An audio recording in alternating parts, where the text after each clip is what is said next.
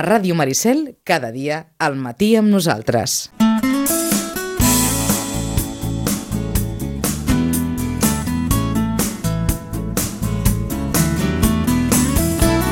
Vinga, doncs eh, dedicarem els últims 20 minutets que ens queden de, de programa a parlar amb la Marta Sánchez de la Biblioteca Santiago Rossinyol. Marta, bon dia. Hola, bon dia. Um, a veure, la biblioteca està oberta, però encara, um, anava a dir, encara a mig, a mig gas, no?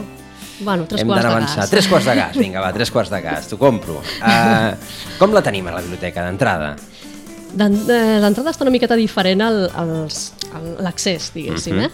Però bé, uh, vam obrir al juny, a principis de juny, amb un servei molt restringit, era simplement allò agafar en préstec, tornar, poqueta cosa més, i mica en mica hem anat oferint i obrint alguns serveis més, el servei d'internet i més, per exemple, a la biblioteca com a lloc d'estudi, de poder venir doncs, amb l'ordinador propi i poder utilitzar doncs, bueno, els espais de la biblioteca, la primera planta, bàsicament, i després també ara hem començat a fer, a obrir l'agenda d'activitats. De- Teníem moltíssimes ganes de tornar a tenir aquesta vida no? a, la, a la biblioteca, de, de poder oferir activitats. Mhm. De moment el que segueix restringit és l'horari, que és un horari més, més petit que el que fèiem abans, i també el, el tema de la cita prèvia. De moment seguim en cita prèvia perquè també és una manera no, de, de tenir un control de l'aforament i després que si hi ha algun cas positiu doncs també no, per poder fer el seguiment doncs que tal dia, tal lloc, en fi, no, doncs per aquests temes. I anem seguint els protocols que ens van marcant tant des de Diputació com des de l'Ajuntament i això doncs, dona molta importància a la seguretat tant dels que, dels que veniu a la biblioteca com dels que hi treballem i seguint tots aquests protocols que se'ns estan fent familiars però segueixen sent estranys. Per cert, la, la Roig i Reventós com està? La Roig i Reventós en principi no va obrir, uh -huh. també perquè clar, ens va enganxar això l'obertura al juny, havíem de fer dos, de, de tot, els, de tot l'equip de la biblioteca, de les dues biblioteques, ens, bueno, ens van recomanar, recomanar d'una manera molt, molt clara de fer dos, dos grups diferents i que no tinguéssim contacte els uns amb els altres. Venien tots de vacances i bé, tot plegat doncs, era molt complicat d'organitzar i per això doncs, bueno, la biblioteca va estar tancada, la Roig i Reventós, i ha tornat a obrir el 14 de- d'octubre. Uh -huh.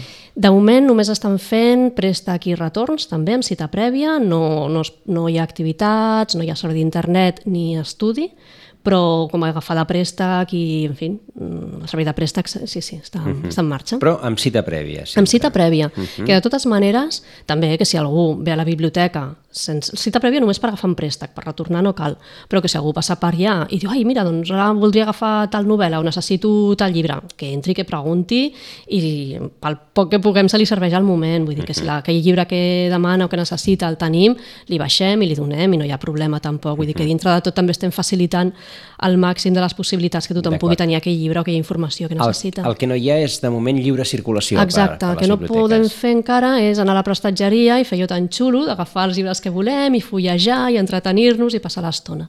Uh -huh. Això de moment encara no. D'acord. Hi, ha, hi ha previsió de que, de que es pugui acabar fent o que canviïn els protocols si, si la cosa no millora?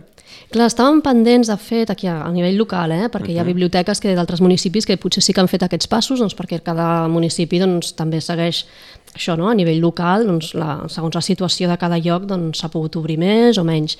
I nosaltres de moment estàvem pendents doncs, d'això, no? de tenir una reunió valorativa, a veure com havia anat aquest setembre amb, el, amb la, també l'obertura de les escoles, l'inici de curs, com havia anat tot plegat, per poder doncs, fer aquest pas endavant. Però clar, tal com estarà la situació, doncs, de moment aquí ens quedem, uh, siguem prudents i de vegades, no? tal com estan les coses, més val pecar d'això que, que amb les ganes que tenim també no? de, de, de poder obrir i de poder oferir un servei molt més normal, doncs després al final que, que sigui pitjor. Uh -huh. Llavors preferim això, poder garantir que les biblioteques són un lloc molt segur, els llibres que es retornen passen 48 hores de quarantena, en fi, que tot el que surt de la biblioteca està net i, i quan entren doncs, també se segueixen uns protocols. De moment, això és el que ens faltaria, no? de poder oferir aquesta llibertat de poder entrar a la biblioteca i fullejar i tenir un accés totalment lliure. Per cert, recorda'ns l'horari. Sí, mira, la Santiago Rossinyol tenim obertes totes les tardes, tenim obert totes les tardes, menys dimecres. I llavors obrim el dimecres al matí. I llavors seria dilluns, dimarts, dijous i divendres, de dos quarts de quatre a les vuit, i els dimecres de 10 a 2. I a la Biblioteca Josep Roig i Reventós obren les tardes de dilluns, dimecres i divendres, també de dos quarts de 4 a 8, i els matins de dimarts i dijous de 10 a 2. Fem un horari una mica complementari perquè, excepte els dilluns i els divendres, que només obrim les dues per la tarda, la resta de dies o està una pel matí o està l'altra per la tarda. Per tant, uh -huh eh, bueno, ho hem complementat així. D'acord. Eh, evidentment, si no, si no es poden eh, accedir a les prestatgeries, tota la qüestió de revistes, tota la qüestió de diaris, tot això ha quedat aturat. Clar, el tema de diaris, per exemple, segons els protocols, només el pot mirar una persona al dia, perquè un cop mirat ha de passar quarantena es fa molt estrany, mm, però és així. Realment. Clar, les revistes eh, les deixem en préstec uh -huh. i, per tant, un cop s'han tornat, doncs també passen quarantena. Estem deixant els números actuals també perquè doncs, tampoc no es poden consultar a la biblioteca, per tant, uh -huh. surt tot en préstec i anem molt sota demanda. I llavors això, si alguna persona dius que jo no sé ben bé què llegir, doncs que ens expliqui els seus gustos, um, quina última novel·la li ha agradat i li fem doncs, bueno, un, un Deix... deixa't sorprendre, no? també. Est sí, estan funcionant molt bé uns lots sorpresa, estan funcionant molt bé sobretot amb el públic infantil i juvenil, sobretot amb els més petits, i és això, estem preparant unes bosses amb contes, amb CDs, pel·lícules, revistes, algun llibre pel pare i per la mare, i llavors el venen a recollir i quan estan a casa, doncs sorpresa, aviam que els hi ha tocat. I està tenint molt d'èxit. Ara pel Festival de Cinema Fantàstic hem fet fantàstic lots, uh -huh. tant per adults com per nens i nenes, i de veritat que ha funcionat molt bé. I això és una de les coses que després, quan ja tot sigui normal, seguirem oferint, perquè realment ha tingut molt d'èxit i és molt ben, molt ben acollit. D'acord, fantàstics lots. Sí. Però s'han de demanar d'alguna manera aquests, aquests lots a través de cita prèvia o es va? Sí, a través de cita prèvia. Doncs, bueno, aquests ja els tenim preparats, ara ja, ja pel Festival de Cinema Fantàstic i ja els uh -huh. tenim quasi, quasi liquidats, però si algú vol un lot o això, eh, alguna proposta de dir, mira, doncs poseu el que, el que us assembli a vosaltres, no? que es deixin assessorar també. Uh -huh. I llavors això, doncs el demanar la cita prèvia, ja li, li tenim tot a punt i només es tracta de venir-lo a recollir i ja està. D'acord. Doncs a partir de... Fet aquesta prèvia, eh, com tenim les activitats? Perquè, clar, una, una de les coses importants de, la, de les biblioteques eren les activitats que s'hi feien. I ara, sí, pam. sí, sí. Durant el confinament doncs, bueno, van seguir fent hores del compte virtuals, alguna coseta també virtual, però clar, no és el mateix, realment. I llavors a l'octubre doncs, hem reiniciat la programació amb totes les mesures també, i clar, aquestes mesures doncs, passen per una reducció d'aforament, que és inevitable perquè hem d'estar distanciats a metre i mig i la sala no és gran, per tant passem de, bueno, com a màxim potser que havien 40 persones i ara doncs, són 18, 15, com a molt, vull dir que estem així. Em, llavors, bueno, ara estem fent això, hem recuperat l'hora del conte. D'hores del conte en farem una al mes a la Biblioteca Santiago Rossinyol presencial, i també un al mes virtual per mirar i escoltar des del sofà de casa. Llavors, amb això ja també cobrim, no? O sigui, el fet de que no puguin venir tantes famílies a l'hora del compte presencial, doncs també amb la virtual doncs, s'intenta complementar. Els clubs de lectura també estan en marxa. Al novembre posem en marxa també el Liceu VIP, hi haurà un nou club de lectura de teatre, xerrades, presentacions de llibres, i al novembre volíem destacar que la Biblioteca Josep Roig i Reventós torna a participar per segon any al cicle de biblioteques amb DO. I llavors hi ha aquí un munt d'activitats que es faran no a la biblioteca, sinó que es faran al CIM, al Centre d'Interpretació de la Malvasia, uh -huh. on també doncs, l'aforament serà una miqueta més, més gran, i tindrem dues hores al conte, tres xerrades amb tastet de vi, evidentment, i un club de lectura. Totes les activitats també funcionen amb inscripció prèvia. Llavors es pot fer per telèfon, per correu electrònic a cadascuna de les biblioteques o amb un formulari i també doncs, molt, molt fàcil per, per apuntar-se i, i nosaltres tenir el control d'aquest aforament.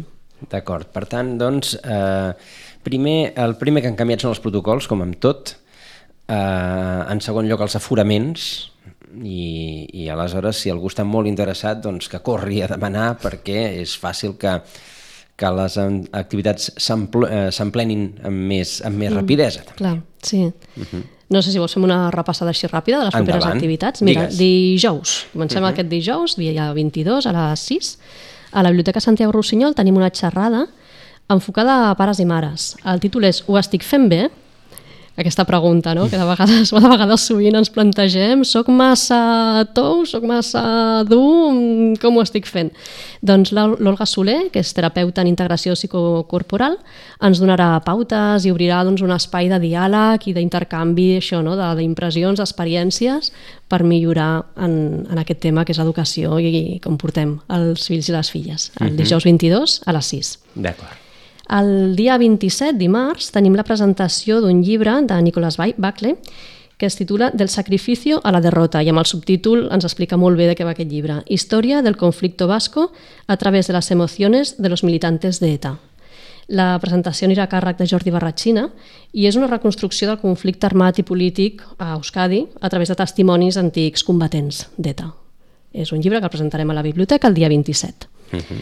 El dia 29 tenim un espectacle de partit format, la correspondència de Margarita Xirgu. És un acte d'homenatge doncs, a aquesta gran actriu, directora, pedagoga teatral és un recorregut a través doncs, de les seves vivències i la seva experiència a través de la seva correspondència, de les seves cartes. Ella va escriure molt, moltes cartes pels seus viatges, també pel seu exili, i el seu epistolari doncs, és molt extens i ric no, en contingut. I aquest espectacle va acompanyat també de música. Per tant, serà una activitat molt bonica i per fer-la així, no, com en petit format, doncs mm. s'hi presta molt bé. I el dijous 29 tenim una d'aquestes hores del conte virtuals que comentàvem. La llau al terrible es podrà veure en directe per l'Instagram Bibliositges. I passem a aquest cicle de biblioteques amb DO que comentava. Tindrem dues hores del conte, el 6 de novembre i el 13, tot al, al CIM, al, al Centre d'Interpretació de Malvasia. La primera hora del conte es diu La Barema, amb Montse Panero, que és una gran narradora de contes. Recomanem que l'aneu a veure perquè són riure assegurat. Uh -huh. El segon, el del dia 13, La Guineu i el Raïm, amb l'Anna Garcia. Després tindrem una activitat que ajunta els contes per adults, les narracions, amb els vins, de vins i mots, a càrrec de David Vila. Eh, a través dels contes que s'explicaran, uns antics, altres de moderns, uns tradicionals, altres de collita pròpia, ens endinsarem en el món del vi per veure, de mirar, mhm. -huh. però també per veure, de tastar. -huh. el lèxit genuí i un bon feix de curiositats que ens permetran copsar el patrimoni material que representa el vi. Una altra de les activitats d'aquest cicle, aquesta m'agrada molt a mi, eh? a les dones ens agrada més suau, vi entre amigues, mm. amb l'actriu Núria de Calella, i serà una tertúlia en la que es parlarà de vi, de literatura, d'erotisme i de música des d'una mirada femenina i feminista. A través de la lectura en veu alta de fragments escollits de diferents autores i acompanyada de música de fons, amb intèrprets i cantants femenines, doncs es crearà no, un clima d'intimitat i confiança per totes les assistents. I també hi haurà tastet. uh, una altra, la Gran Reserva de l'Òpera, a càrrec de David Puertas. L'any passat ja també va haver una, una xerrada d'aquest tipus, no, de relacionar el vi, el cava, amb l'òpera, amb el món de l'òpera. Sabem, a tots ens venen al cap els grans brindis no, de diferents òperes. Doncs el David Puertas, que és un gran expert en el món de la música i periodista, divulgador musical, ens farà una xerrada, audició i tast amb la millor música de sempre i amb el millor vi actual, perquè el d'aquella època ja estarà picat. I acabem aquest cicle amb un club de lectura moderat per Elna Cejas, el Club de Lectura Racó de la Calma, que tractarà el llibre La força d'un destí de Martí Gironell. Aquí també hi ha d'haver inscripció en, el, en els clubs. Mm -hmm. Déu-n'hi-do la, la, totes les activitats que, que es proposen, sobretot en aquest, eh, mm -hmm. aquest apartat final de la, de la denominació d'origen. Doncs sí. Uh, diguem, no sé si és una miqueta tirar-se tirar, -se, a la piscina de dir, o, o, o, hi, ha, o ja hi ha peticions de... L'any passat va funcionar molt bé, uh -huh. va funcionar molt bé amb totes les activitats que es van dur a terme, la biblioteca i alguna també al CIM, i per això aquest any doncs, vam pensar, mira, mm, endavant, no ens aturarà un virus a fer. Però això, perquè també teníem l'experiència de l'any passat que va funcionar realment molt bé, altres biblioteques també ho fan, és una manera de col·laborar no? amb, amb el centre d'interpretació de la Malvasí, per tant doncs, crear també aquestes, no? aquestes complicitats a nivell uh -huh. local i bé, esperem doncs, que confiem en una resposta també del públic. Uh -huh. Déu, Déu-n'hi-do, però eh, això sí, com dèiem, eh, protocol, cal eh, apuntar-se prèviament, òbviament, eh, totes les activitats, mascareta obligatòria, eh, rentat de mans, gel, tot, distància, oi? Sí. Tot, tot, el que, tot el que imposa uh -huh. aquesta, aquesta pandèmia, però mm, doncs, eh, totes les activitats que, que es volen tirar endavant i recuperar una certa normalitat. Sí, exacte. Avui mateix, clar, encara la situació també en pocs dies ha canviat i pot seguir canviant, vull dir, una miqueta així el dia a dia, no? però Avui hem rebut les últimes instruccions per part uh -huh. de gerència i no varien significativament amb, amb això que hem estat fent fins ara, perquè també aquests últims dies no hem tingut consultes de dir ai, se seguiran fent, perquè clar, si no podem fer ni més de sis persones, com anirà tot? Doncs sí, a la biblioteca i altres espais culturals segueixen fent activitats i haurem de fer petits ajustaments, però ja és el que estàvem fent. Els protocols que estàvem seguint de moment no, no varien. D'acord. Per tant, eh, les biblioteques estan obertes, les biblioteques eh, eh, mantenen el sistema de, de cita prèvia, es poden recollir eh, llibres o, o revistes amb cita prèvia, es poden deixar sense cita prèvia, eh, uh -huh. simplement portant-los, i eh, comencen aquest mes tota aquesta sèrie d'activitats que encara no ens col·loquen en aquell de vassall que, que, que recordem d'altres ocasions, però que eh, recuperen en bona part aquesta, aquest esperit cultural que, que tenen les, les biblioteques de Sitges i que han tingut sempre. Uh mhm, -huh, exacte. Bàsicament, sí, sí. bàsicament la, la idea seria aquesta. Ens has portat encara res. Vinga, va, un minut. Un minutet. Doncs mira, és que és un regal aquest llibre. És un ah. regal que ens han fet des de l'editorial Penguin, Penguin Random House sí. amb motiu del Festival de Cinema Fantàstic i ens han regalat a les dues biblioteques un lot de llibres que tots tenen relació doncs, això, no? amb el món de, de, de la por, del Halloween, de monstres i de bruixes i aquest el volíem destacar mm, bueno, bàsicament perquè és una col·lecció, es diuen les fantàstiques Hormiguets, i està escrit per l'actriu Sílvia Abril. Mm.